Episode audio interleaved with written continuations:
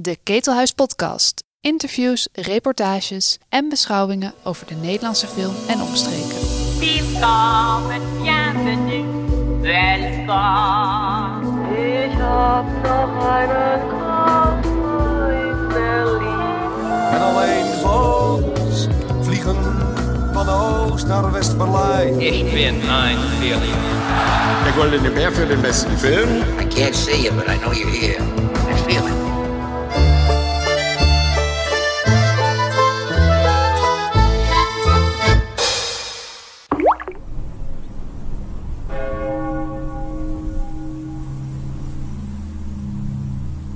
Van klompen tot molens. Van klederdracht tot glasblazers.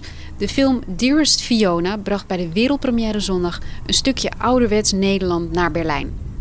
Kunstenaar Fiona Tan werd door het AI Filmmuseum uitgenodigd om in het archief te komen neuzen. Ze combineerde dat stille documentaire materiaal van rond de jaren 20 van de vorige eeuw dat ze daar vond, vervolgens met brieven die haar vader schreef aan het einde van de jaren 80. Twee compleet verschillende tijdperken. Het heeft een intrigerend effect. Soms voelt het alsof de tijd van de voice-over en de beelden mijlenver uit elkaar liggen, en soms overlapt het zo dat alles tijdloos voelt. Dearest Fiona draait in het experimentele forumprogramma en we zochten Tan in Berlijn op voor een kort interview. Fiona, je had gisteren je première. Ik was erbij en ik zat dus in die zaal in Berlijn te kijken naar Nederland. En ik zat wel te denken meteen, hoe zouden deze Duitsers daarnaar kijken? Denk je dat ze een, een andere film hebben gezien dan ik? Weet ik niet. Ja, in zekere zin. Maar kijk, je ziet beelden van Nederland, maar die film gaat over veel meer dan alleen dat. En eh, dat had ik ook eh, bij de Q&A gisteren daarover. Dat ehm, in de brieven die worden voorgelezen, daar komen passeren bepaalde grote historische gebeurtenissen uit eind jaren tachtig. En dat dat juist hier in Berlijn weer een andere, eh, heel andere soort eh, betekenis heeft. Als mijn vader het heeft over Gorbachev bijvoorbeeld, of over wat gaat gebeuren met Oost- en West-Duitsland. Ja, dat eh, is hier natuurlijk, heeft een veel grotere soort klank dan, dan in Nederland. Je mocht in AI gaan grasduinen naar dit materiaal. W- wat ben je toen als eerste gaan doen? Ben je gewoon at random dingen gaan bekijken? Uh, ik ben, toen als eerste met de senior curator gaan praten. Van, heb jij nieuwe ontdekkingen? Zijn er dingen die voor jou bijzonder zijn die je vindt dat ik moet zien? Hij had wel een aantal soort eh, dingen gewoon mijn kant op gestuurd. Zo van, nou, misschien kan je daarnaar kijken. Misschien vind je dit wel leuk en zo.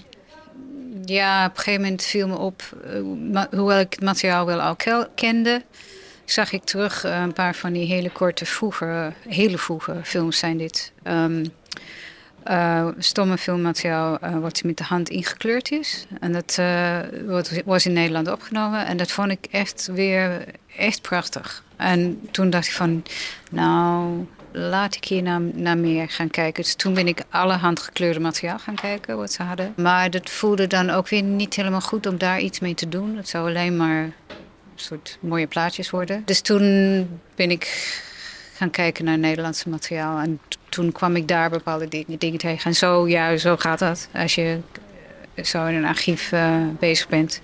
Van de een komt het ander. En dan, ja, zo ga je steeds verder zoeken. En steeds verder dingen ontdekken. Maar denk je dan ook in thema's bijvoorbeeld? Ga je, ga je op die manier ook al ordenen? Nou, er waren op een gegeven moment waren er een soort eh, onderwerpen die mij interesseerden. En dan, dan ging ik daar wel op zoeken, ja. ja. Maar noem eens iets. Noem eens een beeld wat je trof of een onderwerp eh, dat je dacht... oh, nou, dit wil ik nu meer zien. eh, werk was bijvoorbeeld iets waar ik. en dan op een gegeven moment. ehm, ja, werken zowel op het platteland als ook gewoon in de fabrieken en zo. En dan op een gegeven moment was het ook. eh, ik ben echt heel erg eh expres gaan zoeken naar werkende vrouwen. Want dat viel me gewoon op. Ehm, dus dat soort dingen eh, ben ik dan expres gaan, gaan zoeken. Wanneer kwam je op het idee om die brieven van je vader daarbij te combineren? Ja, dat, dat weet ik dus niet meer precies. Maar een beetje in dezelfde tijd ben ik die brieven gewoon tegengekomen thuis. Dat was toen in een lockdown, een van de lockdowns van de COVID-pandemie. En ehm, toen ben ik eh, thuis gaan opruimen Ik heb zo'n bu- bureau met eh, hele diepe lades waar heel veel in kan. En daar heb ik een beetje de neiging om gewoon dingen in te pleuren en verder nooit meer naar te kijken. En ja, dan ruim je, ruim je zoiets meestal nooit op. Maar eh, met COVID, dan... eh, Moet je iets. ja, dan was er wel er was een goed moment voor. Ja. En toen kwam ik ze gewoon weer tegen. Dus het was, ja, dat was ook een, soort van ontdekking, zeg maar. Hoewel ik wist, ik wist natuurlijk dat ze er waren of dat ik, ik had ze niet weggegooid. Maar dat ik was ze wel een beetje vergeten, een beetje uit het oog verloren. En wat gebeurt er als je die brieven weer terug... Want je bent ze inderdaad vergeten. En als je brieven van tien jaar terugleest, dan denk je wel eens... Oh, dit heb ik toen helemaal niet zo ervaren of zo gezien of gelezen. Ja, nou, het, het- ik, ik viel best van mijn stoel, want ik, was heel veel vergeten. Maar het is wat langer dan tien jaar geleden hoor, die brieven. Maar eh, sowieso vergeten eh, wat mijn vader mij niet allemaal schreef.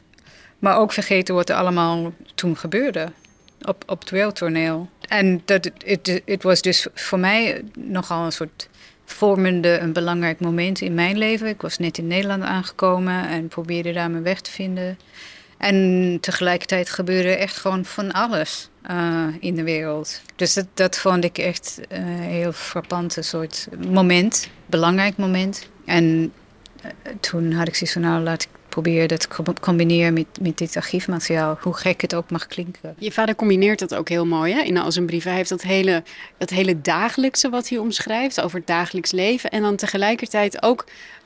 Is dat, was dat altijd zo dat hij ook meteen iets zei over de internationale politiek? Uh, ja, dit is een beetje zijn aard, maar, maar dat, dat is waarom ik die brieven zo bijzonder vond. En waarom ik besloten heb om, om ze te gebruiken voor deze, uh, dit werk. Um, de, de, dat, vind ik echt leidend, heel, heel belangrijk. Van de ene zin naar de andere, moeiteloos, stapt hij over van, van het hele kleine huiselijke, huisdieren en taferelen met kleinzonen en dat soort dingetjes, naar uh, gigantisch grote dingen. Maar wat ik daar zo uh, mooi aan vind, en, uh, is dat de aandacht hetzelfde is. Dus de, de manier waarop hij naar, naar een huisdier kijkt en, en observeert en uh, bij tijd en wijle geniet of zo, dat is hetzelfde als, als waar hij over het land uh, waar hij in woont kijkt, als ook gewoon de hele wereldtoneel. En dat vond ik heel bijzonder. En daar dacht ik van, dat, daar wil ik iets mee. Ja, het intrigerende is dat tijd bijna fluïde wordt. Soms zit het bijna op hetzelfde spoor in de film, omdat dingen overlappen. Soms is het mijlenver van elkaar verwijderd. Ja, klopt. Ja. Is dat, was dat lastig in een montage? Het was geen makkelijk montage, laat ik het zo zeggen. Daar hebben we echt wel tijd voor nodig gehad en uh, heel hard aan gewerkt. En in het begin was het vooral gewoon heel spannend van... Ik, ik wist wel, ik had wel een vrij duidelijk idee, uh, maar gaat het werken? En, en, kan het überhaupt? Nou, daar waren we wel even mee bezig hoor. Ja. Wanneer dacht je, ja, dit gaat wel werken? Ik heb er eigenlijk nooit aan getwijfeld, maar het was wel echt zoeken. Het was echt gewoon echt een paar maanden, zeker denk ik. Nou, het duurde vooral um, langer dan ik uh, gewend was... totdat we echt een eerste versie in elkaar hadden. En um, tot die tijd zat ik best wel op hete kolen hoor. Dat was de hele tijd van, oh god. ja. ja. En dan zie je het ook nog zonder geluid. Want dat maakt eigenlijk ook dat het werkt, toch? Nou, op we hadden wel af, vanaf het begin hadden we wel wat geluidseffectjes, zodat we in elk geval iets konden neerleggen. Uh, en dan gaandeweg hebben we ook steeds meer gevraagd. Dus de sound designer is ook eigenlijk ook telkens weer bij betrokken geweest hoor. Maar dat, het is wel waanzinnig belangrijk in deze film. Het moet niet te veel zijn, het moet ook niet te weinig zijn. Het mag eigenlijk niet opvallen. Ja, nee, het is ontzettend on, echt uh, onnoemelijk belangrijk, zeg maar. En ook vooral uh, dat, het, uh, dat het al dat materiaal gewoon geen geluid had. Maar het is nu nog steeds ontzettend genieten hoe, hoe, hoe, hoe goed het werkt. En hoezeer het materiaal echt gewoon openvouwt. En een stapje gewoon echt zo'n wereld binnen. Volgens mij weet je pas echt helemaal hoe het werkt als je dus bij je, bij je première zit. Hoe, hoe vond je het gisteren? Um, nou, heel leuk. Het was wel het was een hele grote zaal. Dus ik zat zelf, zelf best ver vanaf en dat was even wennen. Maar het was heel eh, fijn om te merken, nou toch al heel gauw, dat, dat het publiek gewoon meeging. En eh, ik merkte echt al na tien minuten of zo, dan had ik van, nou, ze zijn binnen. Zo, ik, heb ze, zo zeg maar. ik heb ze. ze kunnen nu niet meer weg. En inderdaad, er liep niemand weg. En achteraf, na, na afloop, uh, zeiden echt heel veel mensen tegen mij van... die zaal was zo stil. Iedereen zat zo en niemand liep weg. Dus daar dacht ik van, ja, nou, fijn. Ja, er kwamen achteraf ook vragen of, of je film in zekere zin ook over migratie um, gaat. Ik vond dat heel, ik vond het een hele mooie vraag. Maar jij leek zelf dat nog niet gerealiseerd te hebben dat het daar ook over gaat. Of misschien speelde je dat? Nee hoor, dat, ik speel niet. Um, nou, ik, ik had hem niet zo verwacht of zo. Maar ook, uh, weet je, ik, ik ben gewoon migrant. En dat ben ik altijd geweest. Dus het is zozeer een soort deel van mij. Dat, dat, um, ja, daar kan ik bijna niks mee. Of zo. Nou, nee, ik kan hier niet zo goed adequaat op reageren. Maar ja. Kijk je dan ook anders naar dat Nederlandse archiefmateriaal, denk je? Want je zei, je zei iets uh, tijdens die Q&A, dat, dat het een soort... Het was geen hommage, zei je?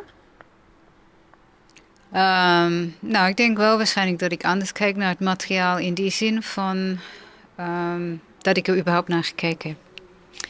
Ik kan me voorstellen, dit is nu kort door de bocht hoor, maar toch. Ik kan me voorstellen dat veel Nederlandse makers, als je zo tegen hen zou zeggen van, ga naar het Nederlands Filmmuseum en ga maar naar ei en kijk daar maar naar uh, materiaal wat Nederland op het platteland is gedraaid. Dan zouden zij iets hebben van, ja, nou, moet dat nou? Klededracht, doei, weet je. En uh, natuurlijk dacht ik het ook een beetje in het begin. Maar daarnaast is er, is er zoveel bijzonders aan dat materiaal. Dus ik heb wel de moeite genomen om te kijken. En, en ik vond echt dat ik dingen aan het ontdekken was. En ik had echt best wel het gevoel ook van... wie heeft hier überhaupt naar dit materiaal gekeken? Sommige, natuurlijk zijn er wel, is er materiaal tussen wat behoorlijk bekend is. Dat handgekleurde materiaal, het is echt zo'n lieveling ook van ei en terecht ook. Daar komt heel vaak langs. Maar er zijn echt andere dingen waar, waar ik denk echt, die hebben best wel een beetje liggen verstoffen, als ik het zo mag zeggen. Heb jij, um, jij werkt graag met, uh, met archiefmateriaal. Waarom is dat zo, um, ja, hoe moet je dat noemen? Um, uh, waarom geeft dat jou zoveel? Um, ja, ik werk graag met archiefmateriaal, maar zeker niet alleen maar. Dus, dus het is, uh, ik weet niet, waarschijnlijk de helft. Ik bedoel, ik film ook zelf en ik verzin ook dingen zelf. Um, het is op een gegeven moment ontstaan en. Um, Ik weet niet of ik die vraag zo goed kan beantwoorden. Maar ik, in zekere zin maakt het mij bijna niet uit van wie, van wie wat materiaal is. Als ik iets interessant vind, dan, dan wil ik daar gewoon heel vaak naar kijken en over nadenken. Waarom vind ik dit interessant en, en uh, wat kan ik ermee?